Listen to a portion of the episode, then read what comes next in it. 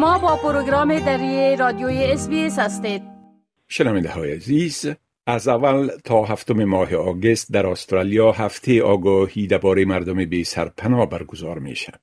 همکار ما فتح سامی درباره هدف از برگزاری ای هفته و پیمان مشکل بی سرپناهی در استرالیا معلومات تهیه کرده که اینک او را با ما و شما شریک می سازن. آقای سامی سلام عرض می کنم خب اولتر از همه اگر درباره هدف برگزاری به سرپناهی در استرالیا معلومات بتین لطفا.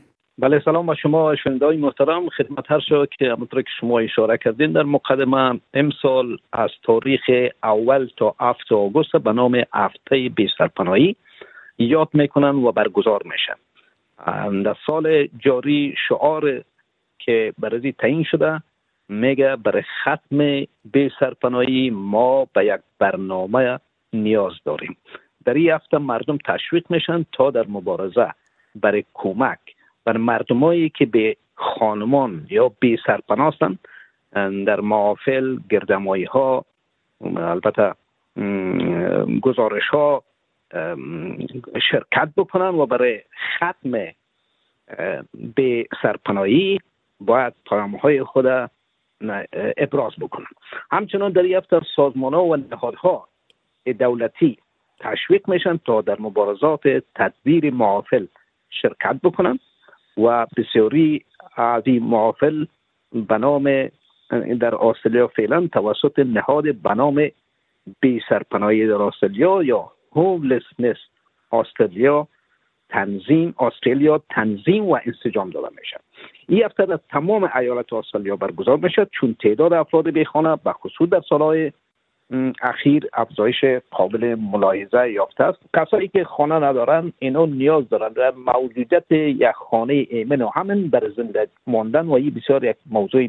حیاتی است چون به تعداد خانه ها زیاد نیاز است. بنابراین در این هفته توجه مقامات دولت فدرال و ایالات جلب می‌شد تا برای رفع این بحران یک تر ملی برای پایان دادن هم به به سرپناهی که مردم با او مواجه هستند روی دست گرفته شده و یک موضوع بسیار جدی باشد تا برای خانوادهایی که درآمد کمتر دارند کمک شود و در مجموع به طور مثبت به سه ساخت ها و اقتصاد استرالیا در مسیر گذار از تاثیرات سالهای های اخیر کمک صورت بگیرد کمک به مردمان به خانمان شامل جوانای به سرپناه میشن مردمان بومی یا ابریجنال کسانی که به بیماری های روانی مصاب هستند بزرگسالا افراد کم درآمد و بیکار. که تعدادشان هم البته رو به افزایش است. این کمک ها از طریق فراماری معلومات مورد نیاز. مثلا بعضا غذاهای گرم و رایگان برشان میتر. بازه کسا از کوچه ها و شابان ها جمع می‌کنن و در جای برشان اسکان داده میشه. و این در کوینزلند در ویکتوریا و در تمام ایالات معمول است. فعلا تهیه محل اقامت موقت. کمک برای کرایه خصوصی کمک به افزایش افراد مسن و همچنین انتقال افراد طوری که پیشتر حرض کردم از کوچه ها به محل حمل. خدمات پشتیبانی برای به خانمان ها صورت می‌گیره و نهادهای مختلف وجود داره که در این راستا کمک می‌کنه. نگفتن من که در استرالیا یک لکو 16 هزار نفر ارشد به سرپناه هستند و یا به سرپناهی را تجربه می‌کنن. بله و چنانچه گفتم میشه که داشتن یک خانه و سرپناه یک حق انسانی است. شما می‌تونین بگوین که پیمانه بی سرپناهی در استرالیا از چی قرار است و وضعیت فعلا پس از شیوع ویروس کرونا در استرالیا چطور است؟ خدمت هر شود که هوملسنس یا بی سرپناهی کدام تاریخ واحد نداره. اما از نگاه اداره آمار یا احصایه استرالیا که البته برای طرح و توحید و برای مسائل پلانگذاری و برنامه ریزی بسیار کمک می‌کنه. تاریخی که اینها از به سرپناهی می‌کنن و کسی گفته میشه که گزینه مناسب برای اسکان نداشته باشد. و مثلا در خانه نامناسب زندگی کنند دوره اجاره شان قابل تمدید نباشه. کنترل و دسترسی به فضای مناسب اجتماعی نداشته باشند در خانه هم که زندگی می‌کنن و خاطر از که خانه طوری که شما فرمودین یک حق انسانی است احساس امنیت و ثبات در حریم خصوصی حق هر فرد است و باید که توانی کنترل فضای زندگی خود داشته باشه. بنابراین بی سرپناهی فقدان یک و یا چند عنصر است که ما خدمت هست کردم. یعنی تنها یک مفهوم بیخانگی نیست بلکه بسیار عناصر است که گفته شد.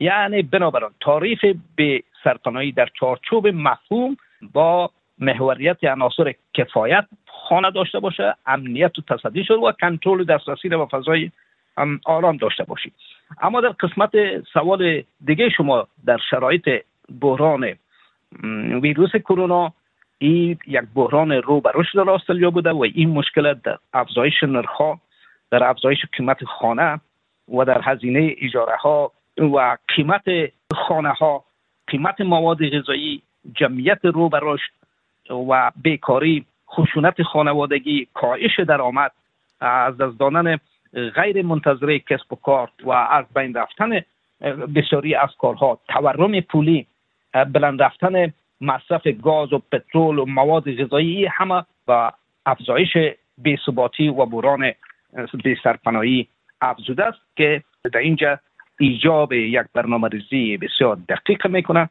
که در این هفته توجه مقامات مربوط جلب میشه. بله و گفتم میشه که پس از شیوع ویروس کرونا عمدتا جوانا بیشتر از مردم دیگه در استرالیا به سرپناه شدن. خب آلی می‌تونین بگوین که مردم معلومات بیشتر در این مورد از چی جایی به دست آورده می‌تونن؟